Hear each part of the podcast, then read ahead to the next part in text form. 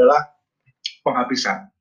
Karena uh, karakteris mereka sisa lebih uh, atau silpa ya, sisa lebih penggunaan anggaran itu selisih antara realisasi dengan anggarannya itu akan dapat dipakai kembali di tahun datang. Tetapi kalau satker yang tidak memiliki BLU, maka ini tidak akan uh, dapat dilakukan. Sisa lebihnya itu akan kembali kepada kas negara dan apabila akan digunakan pada tahun anggaran yang akan datang, harus dibahas kembali dengan uh, pemerintah dan DPR.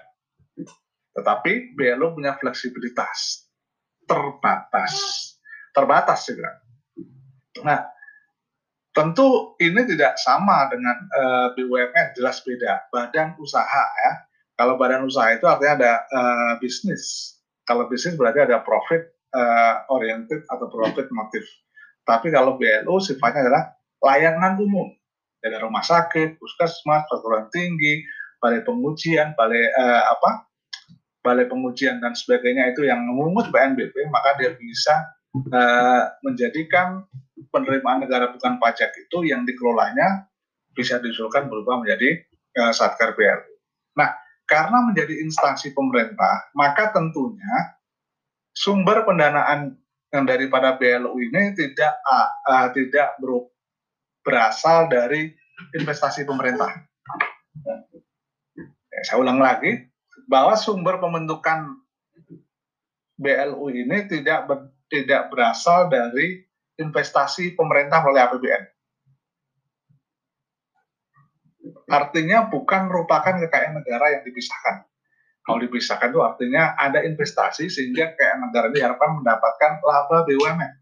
Maka kalau kalian uh, lihat dalam chart of account-nya uh, APBN itu tidak ada laba BLU Coba. Ya, saya. Tidak ada laba BL. Adanya adalah pendapatan badan layanan umum. Tetapi ketika uh, menginjak tadi ada kekayaan negara dipisah, BUMN, maka ada chart of account-nya itu namanya adalah laba BUMN. Nah, ini adalah entitas yang berbeda, maka BLU itu bukan entitas bisnis. Unit instansi pemerintah yang dia dorong untuk efisien. Pak, kenapa bisa efisien? Karena sisa. Kalau ada sisa anggaran yang digunakan, BLU dapat menggunakan tahun anggaran mendatang. Tetapi kalau saat terbiasa, dia tidak bisa menggunakan anggaran tahun mendatang secara langsung. Maka kecenderungan kecenderungan satker non BLU pada instansi pemerintah akan ada eh, kecenderungan ya tidak semuanya saya katakan eh, bahwa pagu yang telah ditetapkan dalam DIPA itu tentunya akan habis. Ya, mendekatkan realisasinya. Nah, sebenarnya uh, ada beberapa tujuan yang uh, dibentuk ya dari uh, BLU ini. Nah, BLU itu dibentuk oleh pemerintah ya beberapa tahun ya yang lalu ya semakin marak uh, tujuannya adalah untuk meningkatkan pelayanan pada masyarakat. Kalian uh, nanti bisa bedakan uh, rumah sakit dulu sebelum ada sebelum uh, berbentuk BLU sama dengan rumah sakit uh, sebagai bentuk satker biasa. Tentunya ini berbeda. Ya. Kalau rumah sakit yang sudah dalam bentuk BLU itu uh, lebih pada praktek uh, organisasi yang sehat. Bukan saya katakan kemudian yang biasa tidak sehat, tetapi karena ada tuntutan good governance dan kemudian efisiensi tadi, kemudian uh, fleksibilitas dalam menganggarkan uh, pola belanja. Ya, karena kan pola belanjanya beda. Kalau saker itu tidak menggunakan pengesahan, Ya pengesahan ada, tetapi ketika di bulan Desember kalau kalian belajar akuntansi pemerintah, maka ketika menerima uang persediaan, maka di akhir tahun ya di bulan Desember di awal tahun dia menerima uang persediaan atau UP, kemudian di akhir tahun dia akan uh, mengembalikan UP itu yang dalam bentuk telah dibelanjakan. Maka namanya adalah uh, eh, GO penggantian uang persediaan tapi nihil Nihil itu artinya tidak ada uang rupiah yang dibayarkan atau ditransfer kepada uh, bendahara pengeluaran atau bendahara uh, satker tersebut. Nah, di dalam model skema BLU, ya kemudian uh, pertanggungjawabannya adalah tidak menggunakan GUIC, tapi adalah pengesahan.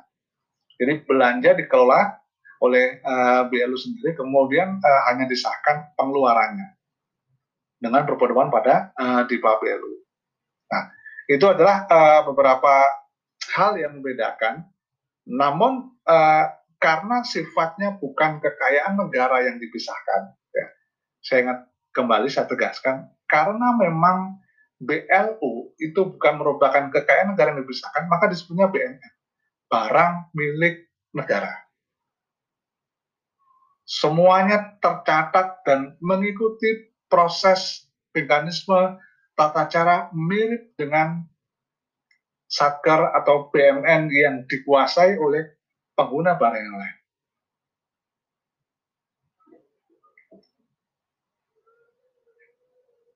Nah, oleh karena itu uh, eh, BLU itu sebenarnya ingin menjadikan bahwa uh, organisasi tersebut mampu menjadi uh, customer oriented, jadi mengutamakan uh, pelayanan dan dengan tidak mengejar keuntungan yang maksimal atau uh, not for profit.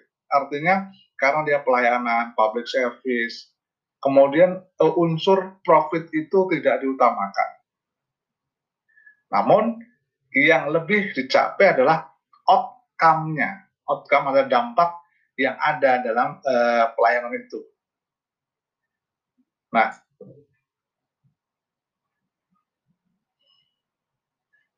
tentunya uh, eh, BLU dalam pengelolaan aset ini ya, dalam pengelolaan aset ini ada beberapa hal yang uh, harus uh, dicermati. Ada beberapa hal yang perlu dicermati bahwa BLU ini uh, sebenarnya dari aspek pengelolaan keuangannya sudah berbeda ya dengan satker biasa. Tadi yang saya sudah singgung, uh, dia ada uh, fleksibilitas ya. Fleksibilitas artinya sisanya itu sisa penggunaan anggaran atau kalau kalian belajar uh, eh, LRA, laporan realisasi anggaran, ada anggaran, kemudian ada realisasinya. Ketika realisasi ini lebih kecil dibandingkan dengan pagu dalam anggaran, maka sisa itu kalau dalam satker biasa non BLU itu akan kembali masuk ke dalam rekening kas negara. Tetapi kalau itu sudah e, dikelola dalam satker BLU, maka sisanya itu dapat digunakan dalam tahun anggaran yang akan datang. Oleh karena itu akan mendorong terjadinya e, efisiensi. Kalau efisien, tentunya negara ini e, pemerintah tidak terlalu berat dalam menganggarkan e, DIPA ke dalam satker-satker tersebut.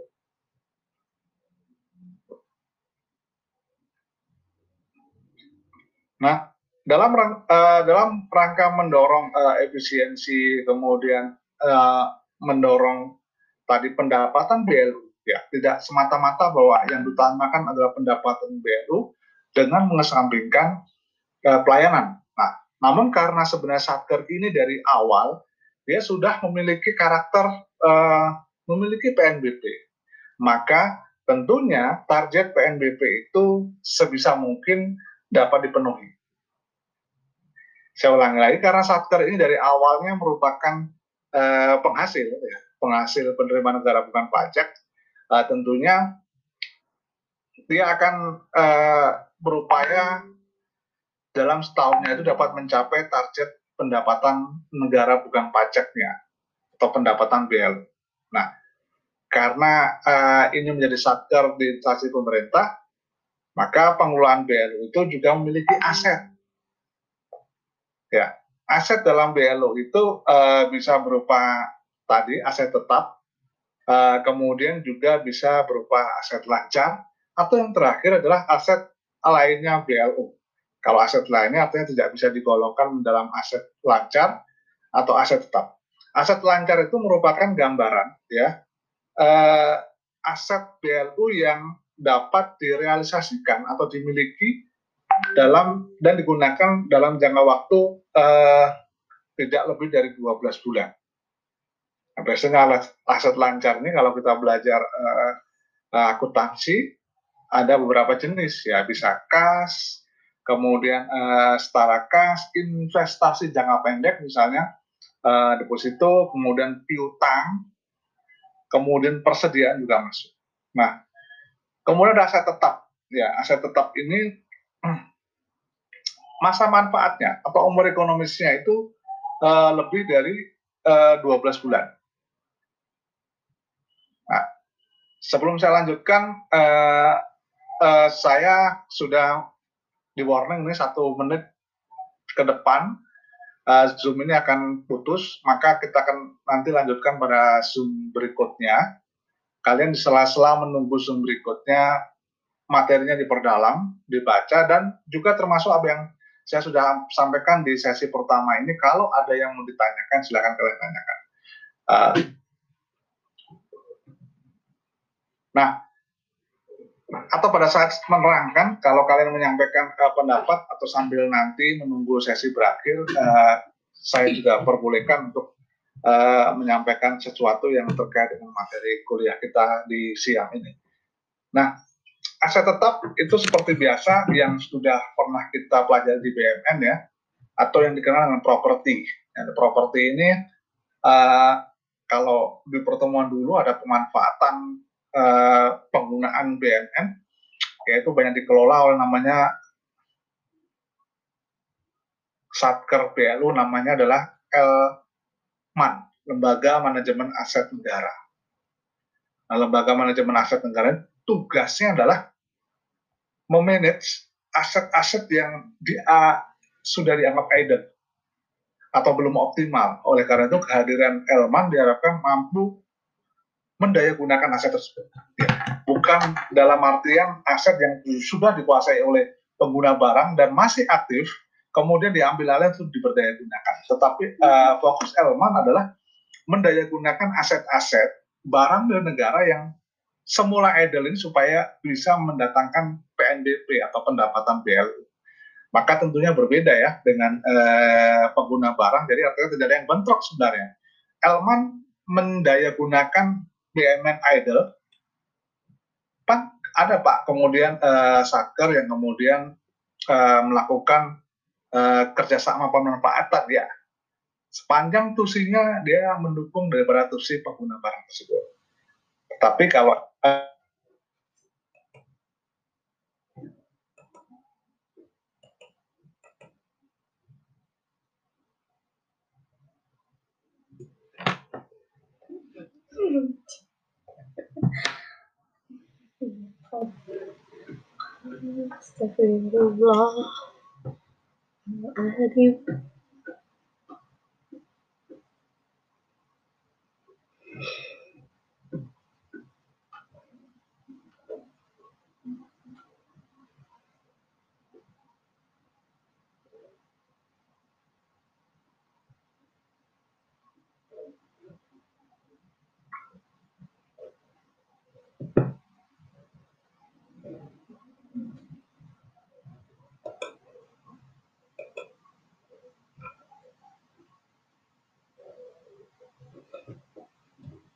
Astagfirullahaladzim. Aduh.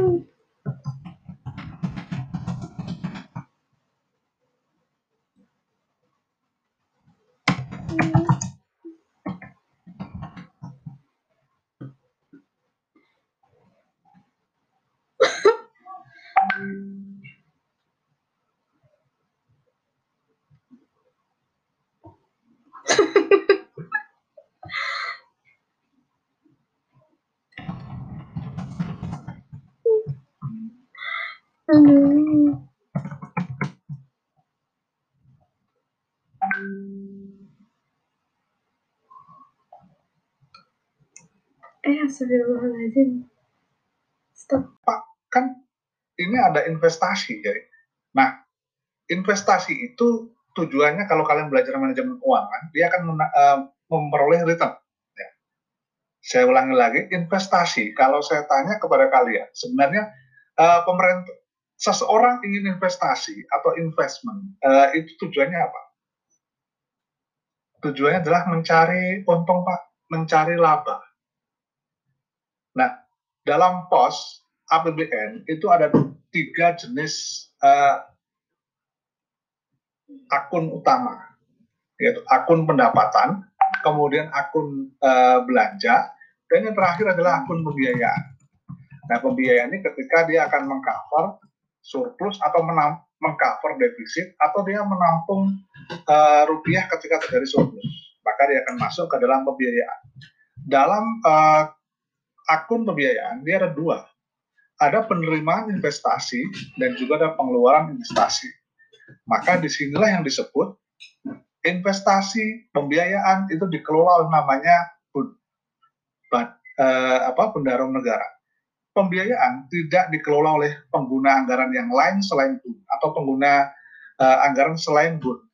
Maka dalam konteks Kementerian Keuangan melakukan pembinaan terhadap BLU, muncul inovasi namanya ada investasi. Investasi ini sebenarnya lebih cenderung pada uh, profit, maka dikenal namanya PMN, penyertaan modal.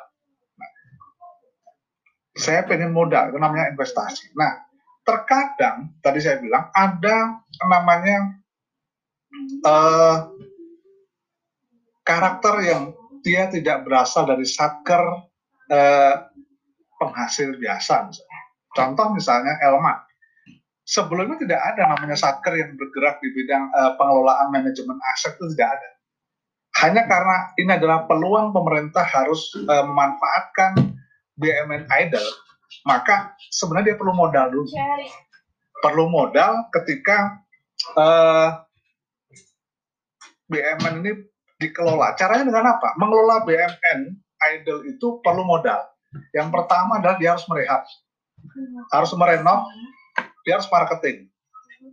Dan kalau perlu dia harus menyisir uh, namanya uh, clean clearing lahan. Nah, Uh, atau misalnya uh, PIP misalnya, investasi pemerintah. Dia adalah lembaga yang tujuannya adalah untuk semacam memberikan pandangan atau memberikan modal kepada beberapa sektor usaha. Nah sebenarnya ini dari dulu tidak merupakan satker yang sudah ada sebelumnya.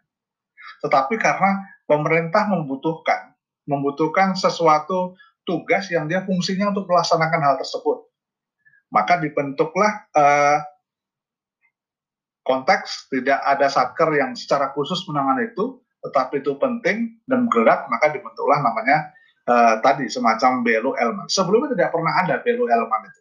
Berbeda seperti uh, rumah sakit, kemudian puskesmas, kemudian perguruan tinggi, itu dari awal dia memang public service delivery. Dia sebagai pendidikan dan uh, kesehatan. Oleh karena itu eh, cenderung keunikan berbeda itu adalah di logika kembali bahwa BLU pada prinsipnya sesuai dengan peraturan pemerintah dan juga peraturan Menteri Keuangan ya nomor 136 itu BLU tidak mengutamakan keuntungan.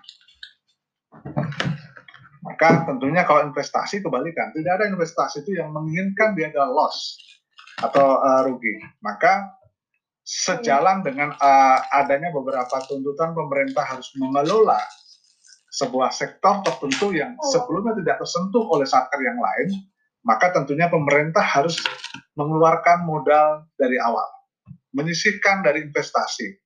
Tetapi kalau dari uh, sisi uh, satker existing yang sudah ada, tidak perlu menyisihkan. Makanya ada beberapa uh, hal yang tadi yang di-share, Pak, kalau investasi BLU bagaimana? sebenarnya investasi BLU adalah membentuk uh, badan baru ya sebenarnya. Badan baru yang sebelumnya tidak pernah ada.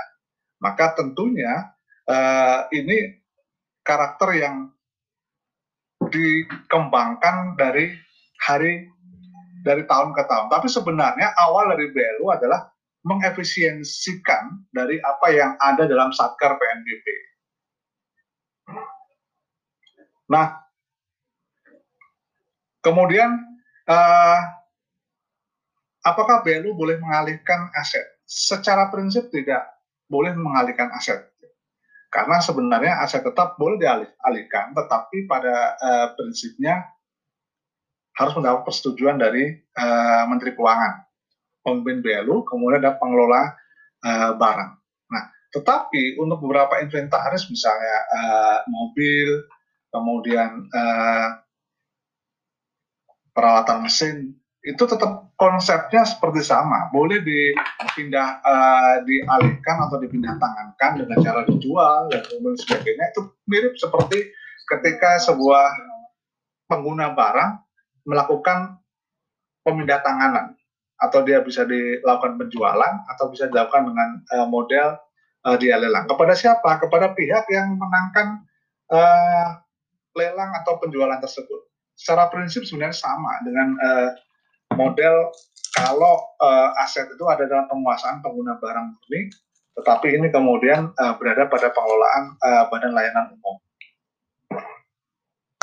Nah itu uh, beberapa penjelasan saya ingin mengatakan bahwa apa yang disampaikan oleh Menteri Keuangan bahwa justru dia bertanya terhadap uh, bagaimana BLU itu akan uh, tercapai targetnya sementara BLU tidak ditujukan untuk uh, mencari keuntungan semata-mata. Kita akan coba lihat uh, penjelasan dari uh, uh, pembina BLU Kementerian Keuangan.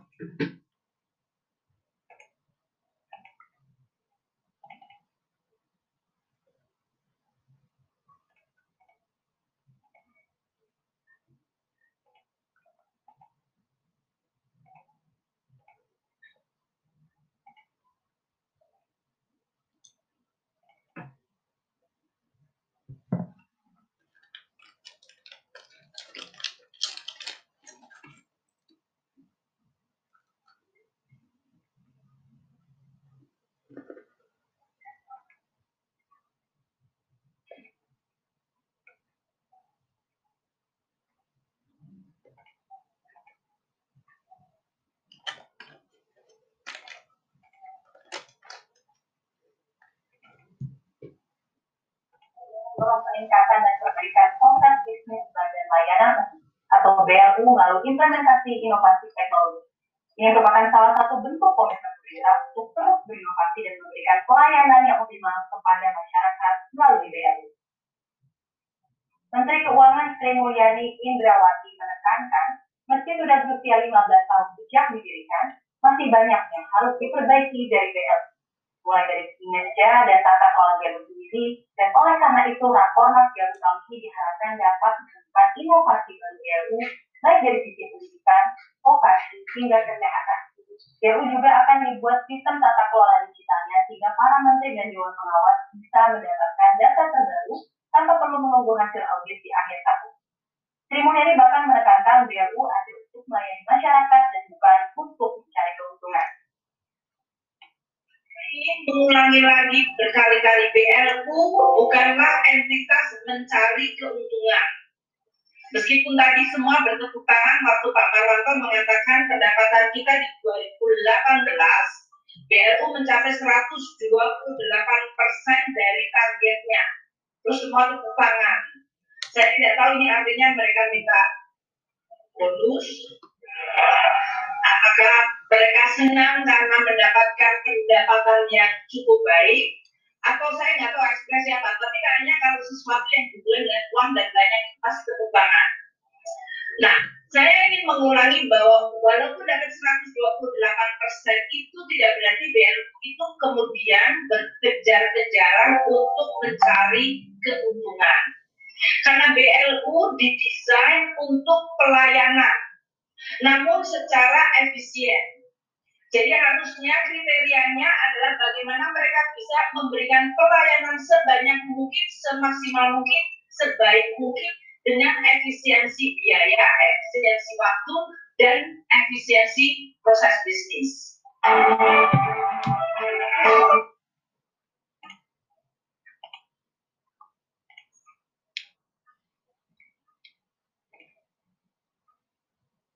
Nah, uh, saya ingin mengatakan uh, garis bawah yang cukup tegas bahwa Menteri Keuangan juga concern bahwa BLU tidak semestinya berlomba-lomba untuk mengejar keuntungan. Maka dari awal saya katakan bahwa tujuan BLU adalah public service delivery. Nah, Itu ya perlu digarisbawahi dengan prinsip efisiensi. Maka tentunya segala bentuk investasi itu adalah tujuannya adalah uh, return on investment, ROI. Itu adalah return, tidak ada kata selain return. Maka uh, tadi kriteria awal dari pembentukan BR itu adalah sebenarnya mengurangi bebannya. Saya katakan mengurangi beban anggaran pendapatan dan belanja.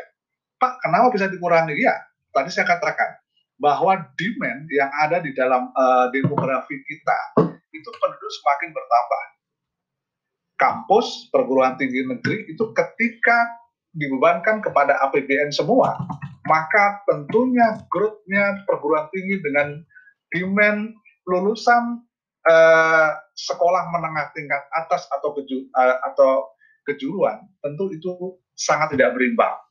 Lalu solusinya pemerintah tidak menambah perguruan tinggi. Tentunya kalau menambah perguruan tinggi itu uh, ekspansi yang di, perlukan dari APBN sangatlah besar sekali. Dari lahan, pengadaan, bangunan, gedung, dan sebagainya. Kalian bisa cermati bahwa perguruan tinggi negeri yang ada saat ini cenderung tidak bertambah.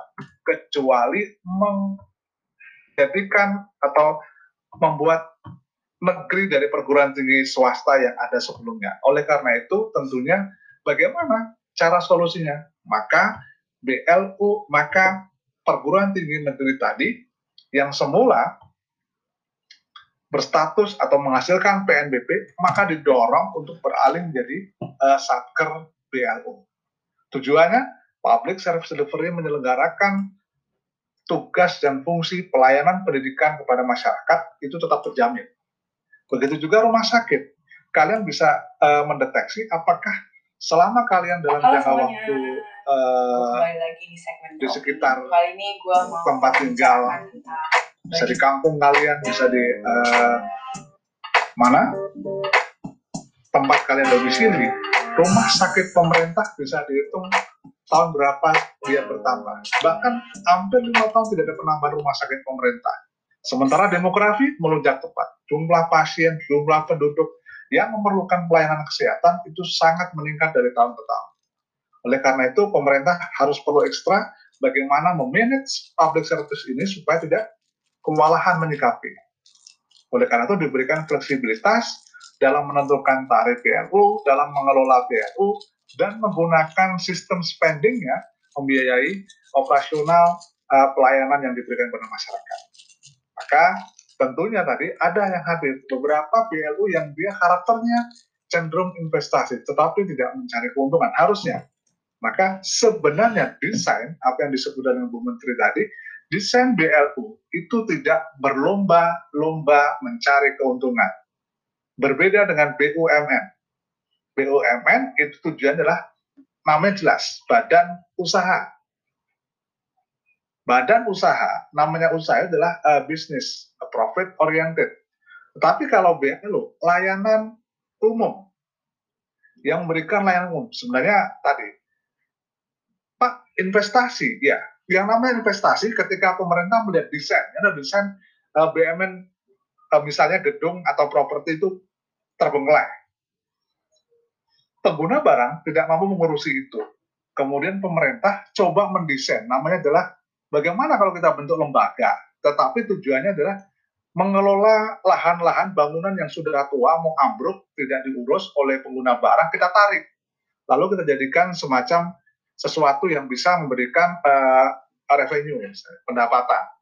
Tentunya dalam mengelola ini dia perlu modal, ya, perlu modal untuk membersihkan lahan, kemudian merenovasi, kemudian uh, memperbaiki, menawarkan kepada pihak lain supaya ada kerjasama kemudian digunakan. Pak, sebenarnya kan bisa tidak menggunakan skema BLU seperti itu. Jadi maksud saya bahwa kemudian kita berdayakan saja pengguna barang yang dia memiliki bangunan properti itu yang nganggur, lalu kemudian dia daya gunakan, sewakan, kerjasamakan. Nah itulah desain yang ada di BLU uh, eh, elemen itu adalah memadukan mindset birokrasi dengan mindsetnya dari uh, private maka ini sebenarnya uh, tadi ada sesuatu BLU itu yang lahir memang karena ditugaskan dalam kerangka khusus. Tetapi sebenarnya desain awal dari uh, BLU itu adalah memberikan layanan kepada masyarakat dengan prinsip efisiensi. Artinya efisiensi adalah beban APBN tidak berat. Jadi kalian bisa bayangkan ketika rumah sakit pemerintah itu bentuknya adalah satker PNBP biasa. Maka ketika dia menambah tenaga kesehatan yang non PNS itu tentunya sangat uh, menyita anggaran negara yang begitu uh, luar biasa. Kalau dia dengan skema BLU, tentunya potensi pendapatan itu akan lebih dapat didorong. Mereka akan termotivasi meskipun tadi tidak perlu berlomba-lomba, tetapi fleksibilitas dalam pengelolaan spendingnya, dalam pengelolaan budgetnya itu akan lebih uh, terjaga. Nah, itu kira-kira beberapa gambaran tadi yang menegaskan bahwa sebenarnya desain awal BLU itu harusnya untuk public service delivery. Kalaupun ada sekarang BLU kelapa sawit, ya, jadi kelapa sawit itu kan sudah bisnis sebenarnya. Uh, uh, korporasi yang dia untuk mengelola penjualan kelapa sawit. Nah, sebenarnya uh, Bu Menteri mengatakan bahwa dari awal desainnya public service uh, delivery. Nah, uh, untuk materi kuliah kalian bisa sambil dibaca, sambil dipahami uh, terkait uh, materi pengelolaan aset BLU dan saya akan coba menjelaskan uh, apa yang ada di materi itu sambil saya tambahkan beberapa materi yang tentunya memerlukan uh, di luar dari uh, bukan luar uh, apa yang sudah ditulis dalam itu kemudian dikembangkan dalam penjelasan perkuliahan uh, kali ini. Bahwa tadi saya jelaskan uh, aset BLU itu kita kenal ada uh, tiga jenis. Tadi ada aset uh, lancar, kemudian ada aset tetap dan aset lainnya. Nah, ada kemudian bahwa BLU itu juga menjalankan uh, mekanisme peman, uh, pengelolaan aset. Nah, mereka juga mirip dengan uh, satker yang mendapat uh, pendanaan dari Dipa Murni uh, yang tidak menghasilkan PNBP. Yang namanya operasional penyelenggaraan pemerintah itu sudah pasti memerlukan namanya uh, pendanaan seperti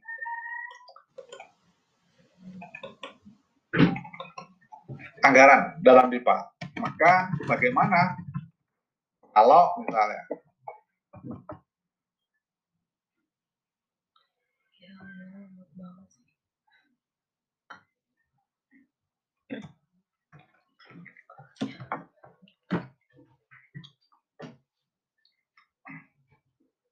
tentunya pendaya gunaan aset tadi yang saya gunakan, eh yang tadi saya jelaskan bahwa BLU diharapkan dapat efisien.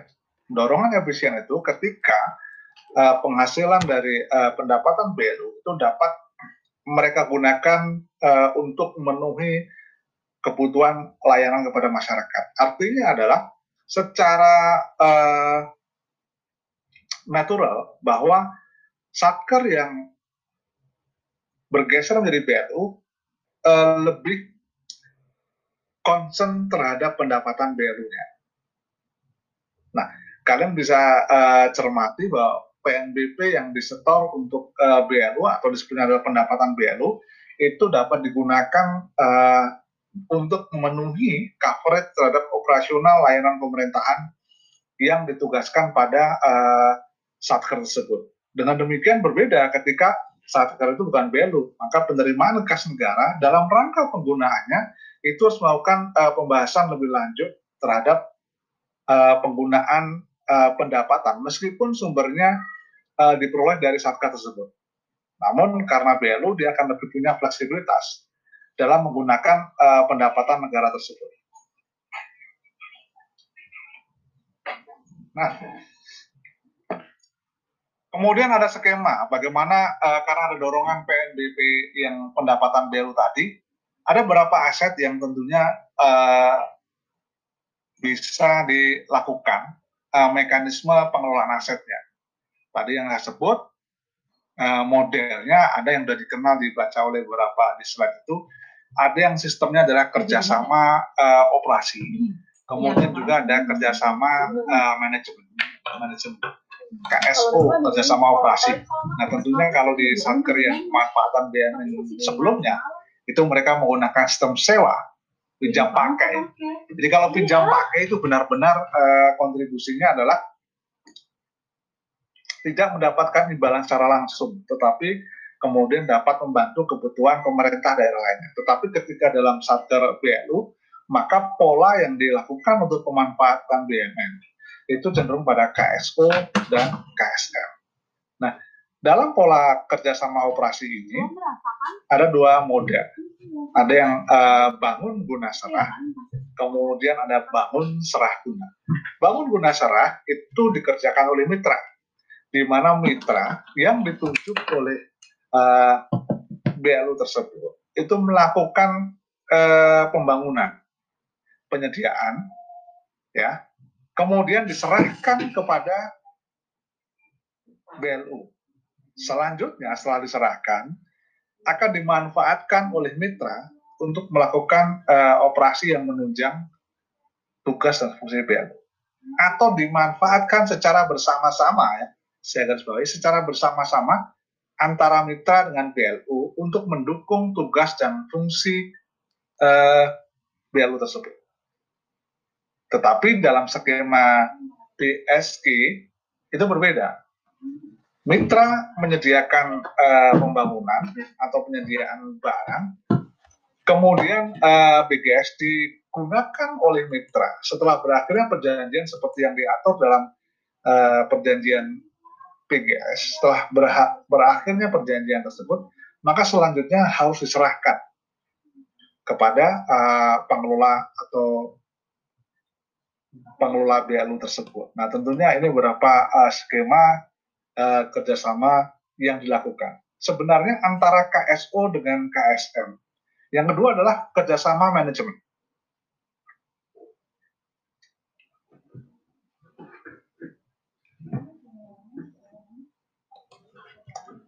Nah, kalau kerjasama manajemen ya uh, KSM itu sebenarnya lebih uh, mendekatkan pada pemanfaatan sumber daya manusia. Saya garis bawahi, eh, kerjasama manajemen itu lebih memanfaatkan kepada sumber daya manusia, di mana mendaya gunakan ya, aset kemudian atau BU dengan mengikutsertakan sumber daya manusia yang ada dalam BLU tersebut.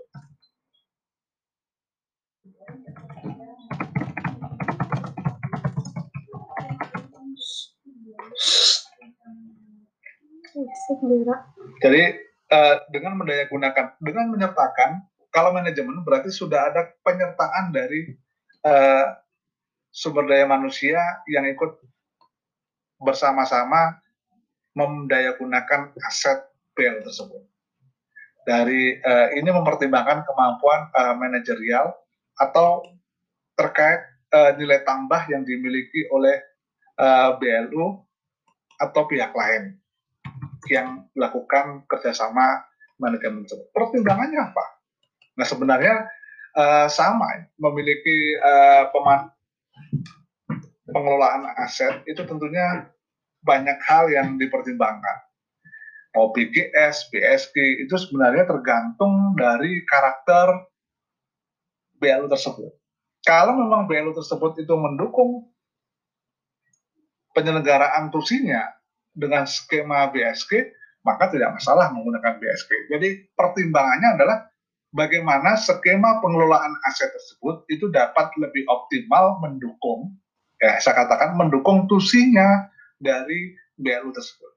Kalau terkait dengan eh, pelayanan kesehatan misalnya, saya katakan rumah sakit, maka skema seperti apa yang digunakan? Nah, misalnya eh, KSO untuk kerjasama misalnya dengan pihak lain, misalnya menggunakan peralatan pihak lain untuk dikerjasamakan dengan rumah sakit, tentunya itu sangat mendukung daripada tusinya uh, BLU tersebut. Jadi uh, hal yang penting dilakukan adalah ketika memilih pengelolaan aset ini, mekanisme pengelolaan aset ini yang perlu dipertimbangkan pertama kali adalah uh, seberapa besar model uh, kerjasama aset tersebut itu memberikan hasil yang maksimal terhadap tugas dan fungsi dari uh, BLU atau unit organisasi tersebut. Nah, perlu diingat bahwa kerjasama operasi, uh, kerjasama manajemen itu tujuannya adalah ingat ya, meningkatkan penyediaan pelayanan. Nah, ini sejalan dengan apa yang disampaikan tadi, tidak semata-mata untuk berlomba-lomba mengejar namanya profit. Maka tujuan dari kerjasama ini sebenarnya adalah meningkatkan penyediaan public service kepada masyarakat. Yang pertama, itu yang perlu diingat. Jadi sepanjang dia efektif untuk melakukan tujuan tadi, maka dapat dipilih. Kemudian yang kedua adalah mengoptimalkan uh, daya guna dan hasil guna aset.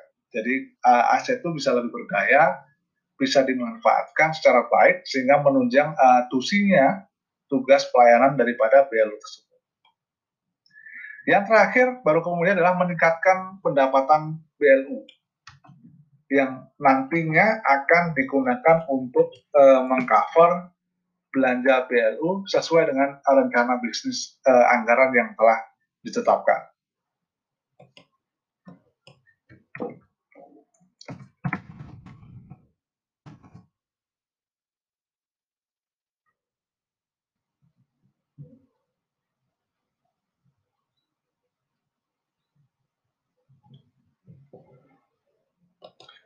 Dalam pemanfaatan uh, pengelolaan BLU itu, kalau ada pendapatan, ya, pendapatan atas kerjasama tadi, kerjasama operasi, kerjasama manajemen, tentunya itu uh, menjadi pendapatan BLU. Itu sekaligus tadi me, uh, menjawab beberapa pertanyaan bahwa uh, pendapatan BLU yang diperoleh dari uh, model KSO atau KSM tadi itu nantinya diharapkan dapat uh, mengcover atau menutup belanja operasi operasional dari BLU itu. Nah, kemudian yang uh, tentunya menjadi salah satu faktor yang uh, penting untuk menciptakan efisiensi APBN. Karena kalau semua spending uh, satker itu didanai atau di fully funding dari APBN, tentunya itu menjadi menjadi hal yang uh, memberatkan. Bagaimana uh, pemilihan KSO KSF itu tergantung dengan uh, tadi uh, mana yang memberikan keuntungan terhadap public service itu lebih banyak. Kemudian dua, apakah dapat dijalankan dua-duanya? Itu adalah choice, opsional bagaimana pengelola BLU, pemimpin BLU itu memilih kerjasama uh, pengelolaan uh, aset yang ada dalam penguasaan BLU tersebut. Nah ini uh, dalam jangka satu menit ke depan uh, Zoom ini akan berakhir jeda. Maka di sela-sela jeda nanti sambil menunggu uh, sesi berikutnya kalian bisa pahami, bisa pelajari lagi uh, materi itu yang sudah dalam bentuk slide ataupun dalam bentuk regulasi dan sebagainya. Maka nanti kalau ini berakhir, kita akan lanjut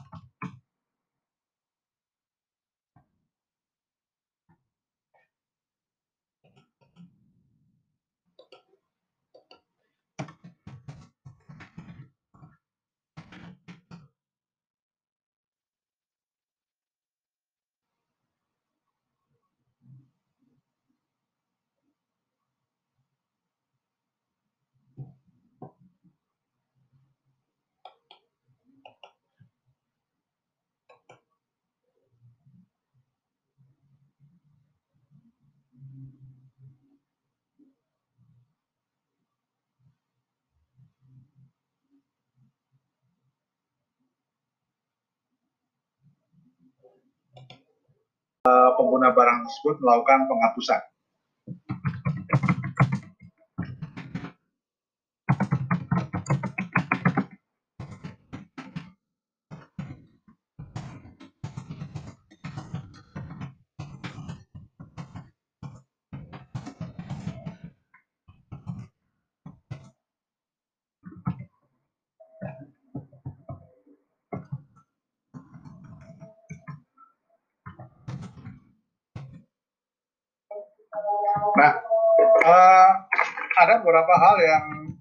Perlu dicermati ya ketika uh, BNU tersebut itu melakukan berbagai model uh, pengelolaan aset. Jadi pengelolaan aset adalah memanage uh, aset tersebut uh, supaya dapat uh, berdaya guna. Nah, semisal uh, beberapa uh, katakanlah uh, rumah sakit. Kalau kalian uh, sering ke bawah rumah sakit Cipto ya, Mangunkusumo, kemudian uh, rumah sakit rumah sakit uh, daerah yang statusnya sudah BLU itu terkadang memang uh, beberapa mereka sudah menggunakan uh, beberapa skema uh, pengelolaan aset. Contohnya adalah uh, rumah sakit itu kemudian menerapkan uh, perparkiran yang modern ya karena jumlah layanan yang disediakan uh, yang berkunjung banyak kemudian uh, perlu ekstra uh, 24 jam maka tidak menutup kemungkinan uh, BLU rumah sakit itu melakukan kerjasama ya uh, memanfaatkan uh, lahan tersebut. Kemudian untuk skema parkirnya adalah semacam kerjasama untuk dapat menghasilkan uh, tarif pungutan atas uh, perparkiran yang ada di wilayah itu. Nah tentunya ini berbeda ketika uh, dengan satker-satker yang non BLU, misalnya adalah kayak uh, PKN misalnya kayak misalnya kantor pajak itu parkir ini sudah jarang sekali di manage oleh uh, pihak uh, mitra yang tujuannya adalah untuk mengelola uh, parkir secara khusus. Nah, oleh karena itu, ini beberapa contoh bagaimana BLU itu tentunya mempunyai concern untuk mengatur pengelolaan uh, BUMN-nya secara lebih tertib, uh, efisien. Dan bahkan uh, sedangkan uh, kerjasama manajerial, manajemen ini uh, lebih pada uh, penggunaan sumber daya manusia yang ada di pihak lain ataupun ada pihak pihak mitra ataupun pada pihak BLU sendiri. Contohnya itu banyak dikerjasamakan ketika memang uh, jenis layanan umum itu atau public service itu lebih menggunakan skill knowledge-nya daripada manajemen uh, sumber daya manusia. Contohnya kayak misalnya balai pengkujian, balai penelitian, balai uh, pengkajian itu memang dia tujuannya uh, karena knowledge yang dimiliki oleh value itu kemudian bisa dimanfaatkan oleh mitra atau uh, knowledge yang dimiliki oleh mitra itu bisa digunakan oleh BLU dalam rangka mendukung uh, layanan pada masyarakat. Ini biasanya lebih pada uh, yang punya karakter ketika uh, dia terkait dengan riset atau balai-balai uh, teknik pengujian terhadap misalnya geologi, kelautan, kemudian uh, balai sertifikasi dan sebagainya yang mereka memerlukan uh, tujuannya untuk mendukung uh, skill atau kompetensi di bidang itu. Nah, maka yang diutamakan yang mana? Oleh oleh karena itu menjawab hal tersebut, tentunya ketika uh, BLU itu memiliki resources sumber daya manusia yang unggul, maka dia bisa melakukan kerjasama uh, KSM dengan menggunakan SDM dari BLU. Ya. Sebaliknya, ketika BLU belum dirasa belum mampu mempunyai uh, eh, SDM yang unggul terhadap misalnya pengkajian uh, atau penelitian terhadap geologi misalnya, uh, tambang mineral misalnya, kok yang ada misalnya milik uh, mitra PTA misalnya, PT Penggalian Tambang PTA misalnya, maka tidak menutup kemungkinan sumber daya manusia yang ada di PTA itu kemudian uh, dikerjasamakan dalam bentuk manajerial di BLU yang ada dalam uh, balai pengujian uh, kandungan mineral atau sebagainya. Nah itu adalah contoh-contoh uh, ketika uh, bagaimana kerjasama itu yang manajemen itu lebih beratkan pada lingkup tugas fungsi BLU sendiri sebenarnya. Nah, sedangkan uh, operasi, kerjasama operasi itu lebih cenderung pada pemanfaatan pendayagunaan aset tanpa melibatkan uh, eh, SDM-nya.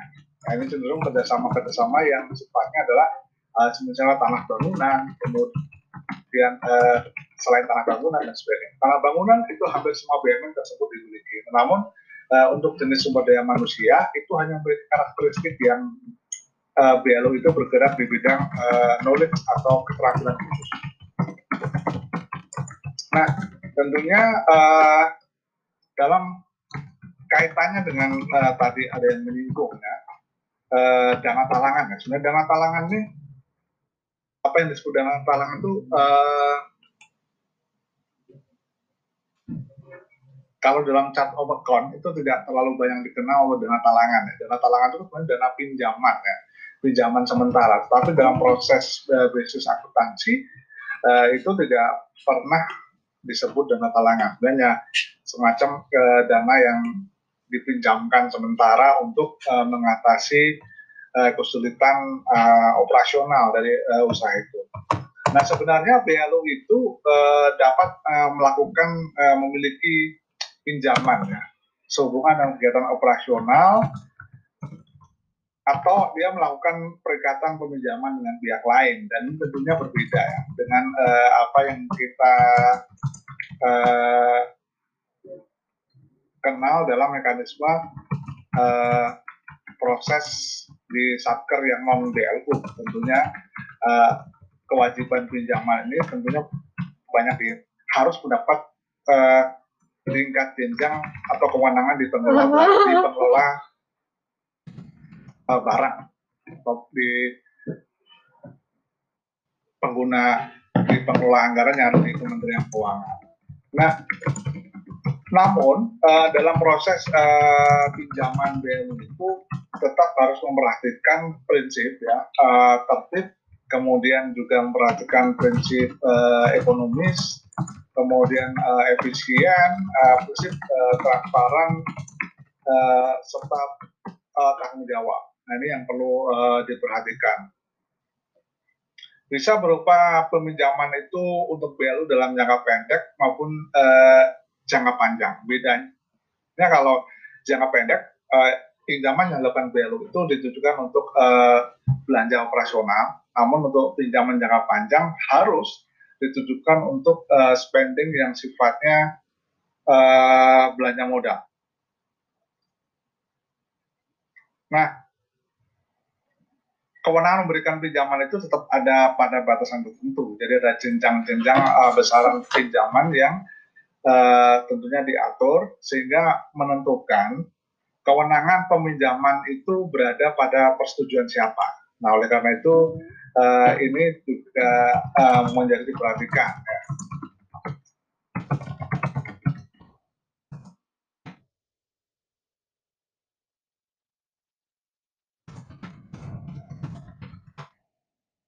Tadi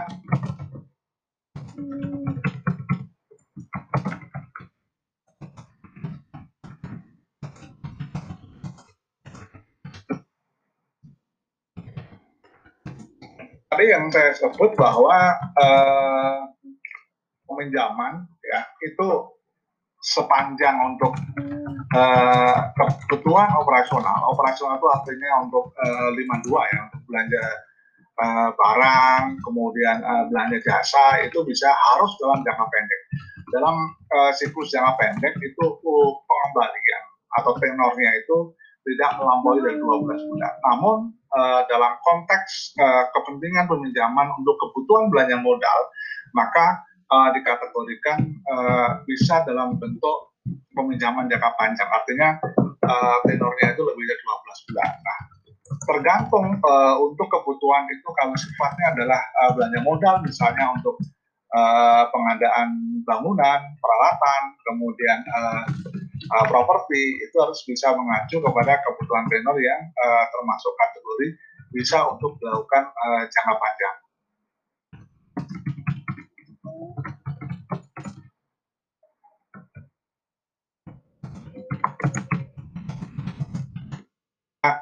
Selanjutnya uh, pemanfaatan atau pengelolaan uh, aset dalam BLU tersebut ya sebelum kita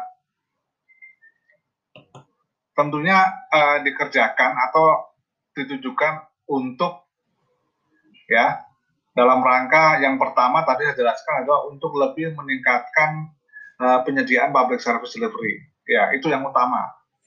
Karena tujuan dari BLU itu sebenarnya adalah untuk memberikan eh, pelayanan publik.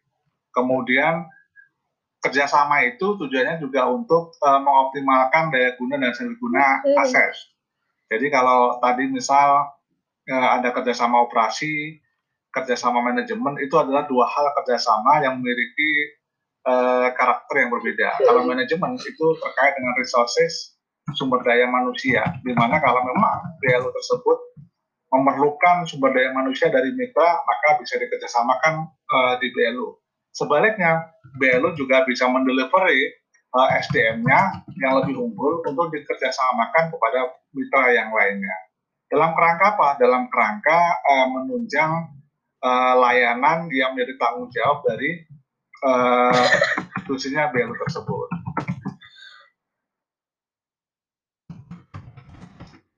mitra yang menjadi kerjasama dalam bentuk KSO, kemudian uh, dalam bentuk KSM itu bisa berbentuk uh, macam-macam ya. Salah di antaranya bisa mitra itu berasal dari uh, pemerintah sendiri, artinya adalah pemerintah daerah. Karena konteks kita adalah mempelajari BLU, uh, pemerintah pusat yang di awal tadi uh, saya sebut sekitar 200-an lebih uh, BLU itu di tahun 2020 ini ada di uh, naungan pemerintah pusat.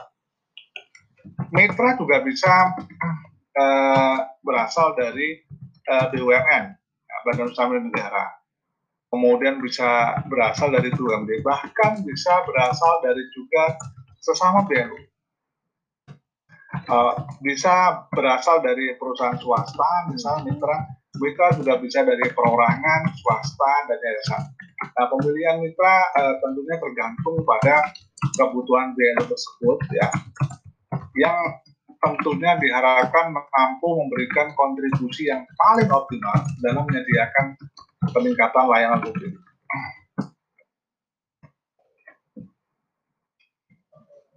Nah, KSO kerjasama operasi maupun kerjasama manajemen ini tentunya harus eh, mempertimbangkan salah satunya adalah bagaimana eh, kelayakan teknis ya berupa spesifikasi, kualifikasi eh, objek atau eh, material tersebut, eh, kegiatan, material, objek yang akan di KSO-kan atau di KSM-kan. Jadi harus kita lihat spesifikasinya, spek teknisnya, seperti apa yang mau dikerjasamakan, supaya nanti eh, muncul eh, kelayakan teknis maupun eh, kelay- kualifikasi dari jenis eh, kegiatan yang dikerjasamakan. Kemudian eh, tentunya eh, mengingat ini adalah tidak sifatnya adalah eh, praktek organisasi yang sehat atau good governance, maka tentu harus memperhatikan prinsip efisiensi. Nah, prinsip efisiensinya artinya dalam memilih KSO atau KSM, selain tadi mempertimbangkan uh, layanan publik, tentunya juga memperhatikan uh, besaran antara uh, pendapatan dengan belanja, atau artinya memperhatikan sisi aspek keuangannya. Jangan sampai kerjasama ini nantinya justru malah memberikan uh, hasil atau kerjasama yang lebih besar uh, belanjanya ya dibandingkan dengan uh, pendapatan yang uh, dihasilkan. Kemudian yang terakhir uh, tentunya dalam memilih KSW atau KSM ini ada pertimbangan-pertimbangan uh, antara lain misalnya uh, bukti kepemilikan atas properti tersebut misalnya kalau terkait dengan tanah bangunan kemudian track record dari mitra. Jadi kalau dari mitra perusahaan swasta atau sesama BLU itu bagaimana sih kinerja dari mitra itu sebelumnya? Apakah dia pernah wan prestasi kemudian apakah uh, mitra tersebut uh, mempunyai apa uh, kinerja yang tidak maksimal dalam melaksanakan kerjasama uh, baik dalam bentuk operasi maupun uh, manajemen.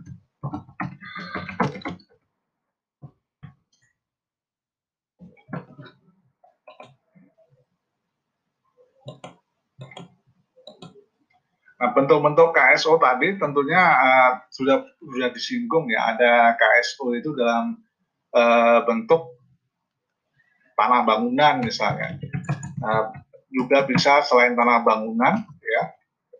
Tanah bangunan itu dimodelkan dengan apa yang sudah ada tanah bangunan tersebut kemudian daya gunakan atau kemudian uh, KSO tersebut itu melakukan uh, proses yang namanya adalah uh, pendirian. Jadi memulai dari awal uh, tadi uh, model BSG atau kemudian uh, BGS, di mana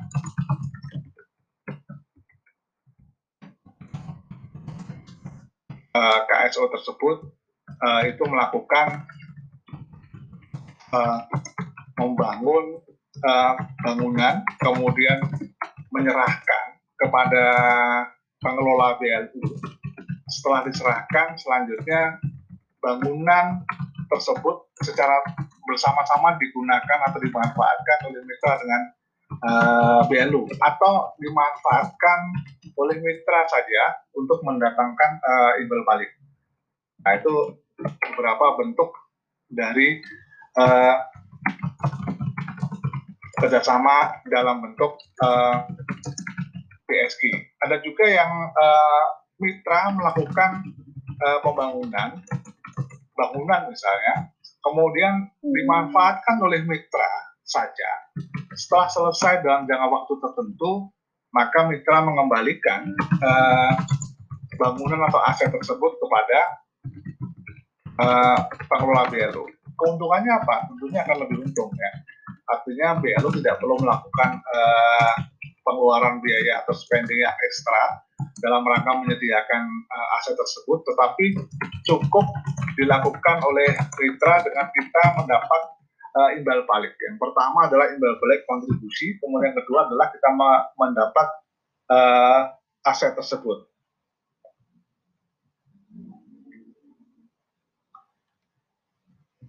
Untuk jangka waktu pemanfaatan KSO Nah, untuk jangka waktu jangka waktu kalian bisa pelajari kalau yang pendaya gunaan itu paling lama 15 tahun.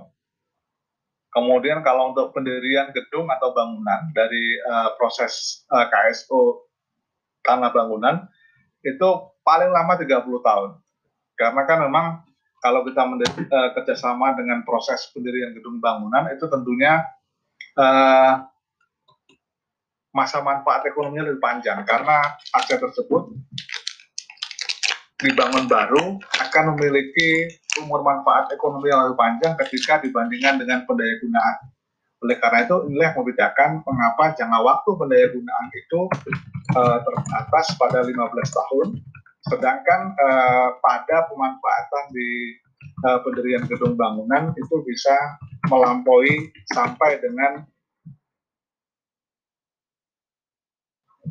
30 tahun.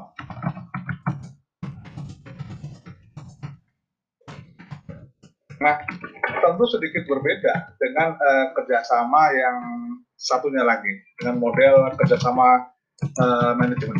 Nah, kerjasama manajemen ini uh, memiliki jangka waktu paling lama itu hanya lima tahun.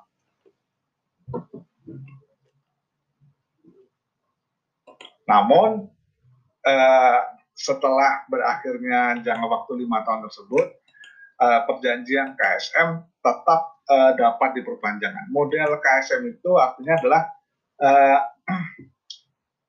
aset PLU ataupun aset mitra itu didaya gunakan untuk mendukung pelayanan uh, umum yang menjadi tanggung jawab PLU dengan menyertakan SDM-nya. Saya ulangi lagi, jadi KSM itu ada underline menyertakan SDM-nya. SDM-nya itu hmm. SDM-nya mitra ataupun SDM-nya yang dimiliki oleh BRI. Nah, itu beberapa uh, rangkaian bagaimana aset itu semestinya harus uh, didaya gunakan secara baik agar memberikan uh, manfaat yang uh, optimal dalam mendukung pelayanan umum.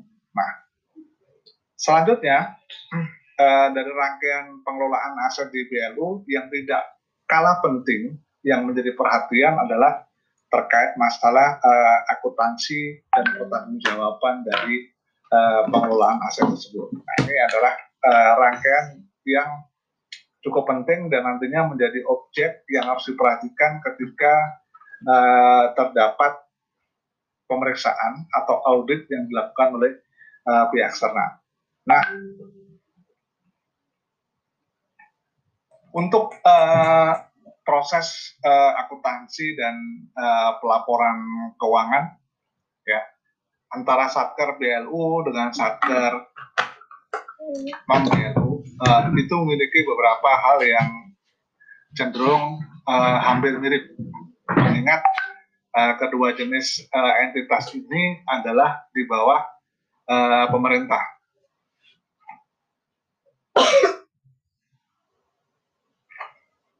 Beberapa hal yang diperlukan eh, terhadap BLU ini adalah pencatatannya adalah terkait dengan akuntansinya adalah BLU harus melakukan pencatatan terhadap setiap transaksi pelaksanaan pengelolaan aset pada BLU. Mengingat BLU eh, pengadaan, kemudian proses eh, pembayaran itu juga melalui eh, KPPN hanya saja uh, modelnya adalah pengesahan. Jadi mereka mengeluarkan uh, belanja dulu, kemudian uh, atas dasar belanja itu kemudian disahkan oleh negara. Dalam artian adalah oleh PUN, yaitu KPPN. Nah, berbeda dengan uh, satker non BLU, di mana proses pembelanjaan itu tentunya uh, ada yang dilakukan ya dengan model uh, LS misalnya atau uh, penggantian uang persediaan. Artinya pengadaan itu tidak selalu dengan uh, eh, SPM yang SP2D yang nihil, tetapi adalah SP2D yang uh, isi. Nah ini tentunya berbeda dengan BLU di mana uh, pengeluaran itu telah dilakukan sehingga uh, rekening pun hanya tinggal membukukan uh, pengesahan tersebut. Selanjutnya, uh, kalau BLU itu melakukan kerjasama, kerjasama uh, operasi misalnya, maka tentunya uh, aset yang ada dalam penguasaan BL, uh, dikerjasamakan itu tidak menjadi uh, catatan yang perlu dilaporkan dalam uh, laporan BLU. Karena misal uh, itu adalah aset milik mitra yang uh, dikerjasamakan dengan BLU. Maka aset milik mitra itu tidak perlu dicatat uh, yang dicatat dan dilaporkan oleh BLU.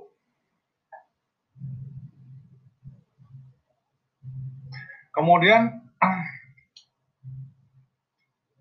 apabila tanah yang dimiliki BLU misalnya, aset yang dimiliki BLU itu uh, kemudian didirikan bangunan oleh mitra. Karena adalah uh, KSO atas tanah dan bangunan.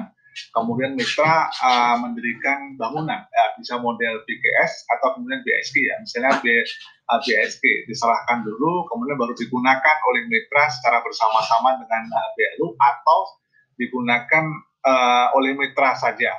Maka secara uh, pencatatan dalam pelaporan akuntansi tentunya uh, ini harus direkla, direklas uh, tanah tersebut ya menjadi uh, aset kemitraan ya karena prosesnya adalah masih diberdayakan atau dikerjasamakan antara uh, mitra dengan uh, atau uh, BLU dengan pihak ketiga secara lebih detail.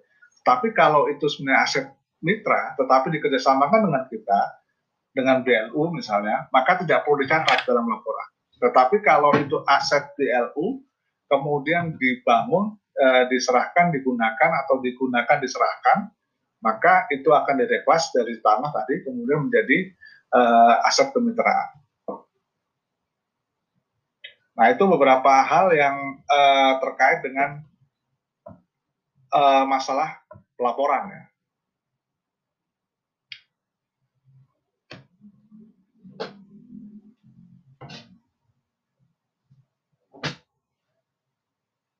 Lalu yang terakhir dari uh, proses rangkaian ini adalah uh, peran ya daripada uh, fungsi pengawasan dan uh, pengendalian.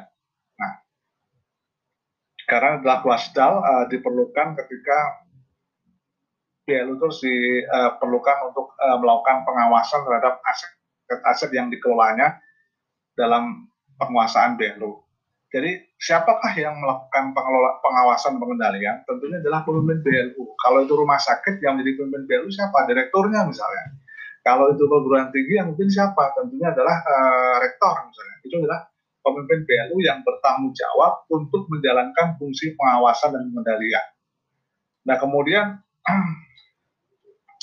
uh, dalam rangka melakukan uh, pengawasan pengendalian tersebut ya BLU memerlukan dukungan misalnya untuk membentuk uh, satuan pengawas internal misalnya, dalam rangka untuk uh, menjalankan fungsi pengawasan yang uh, dikelola oleh BLU.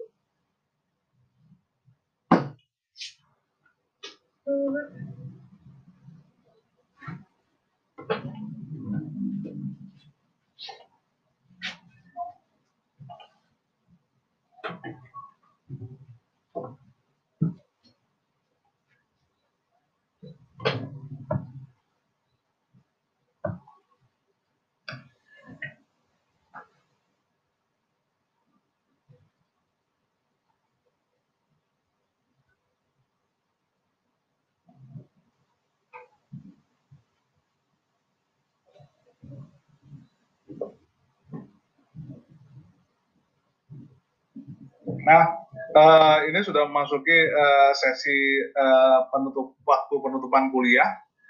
Uh, materi yang saya sampaikan sekiranya belum uh, tuntas, tapi penjelasan saya sudah sampai pengawasan pengendalian. Uh, kalian bisa pelajari uh, lagi dalam rangka untuk perdalam uh, materi tentang pengelolaan uh, BUMN pada BLU. Nah, di GCR kelas saya sudah posting tugas uh, tujuannya adalah untuk uh, memperhatikan atau untuk menambah atau memperluas uh, pembelajaran jarak jauh ini dan pastikan bahwa kalian uh, mensubmit tugas itu sesuai dengan apa yang diatur tingkat waktunya untuk belajar jadi mendisiplinkan waktu. Nanti uh, ketika kalian ujian maka uh, disiplin waktu itu penting supaya tidak ada yang tertinggal ketika mengerjakan uh, soal-soal ujian.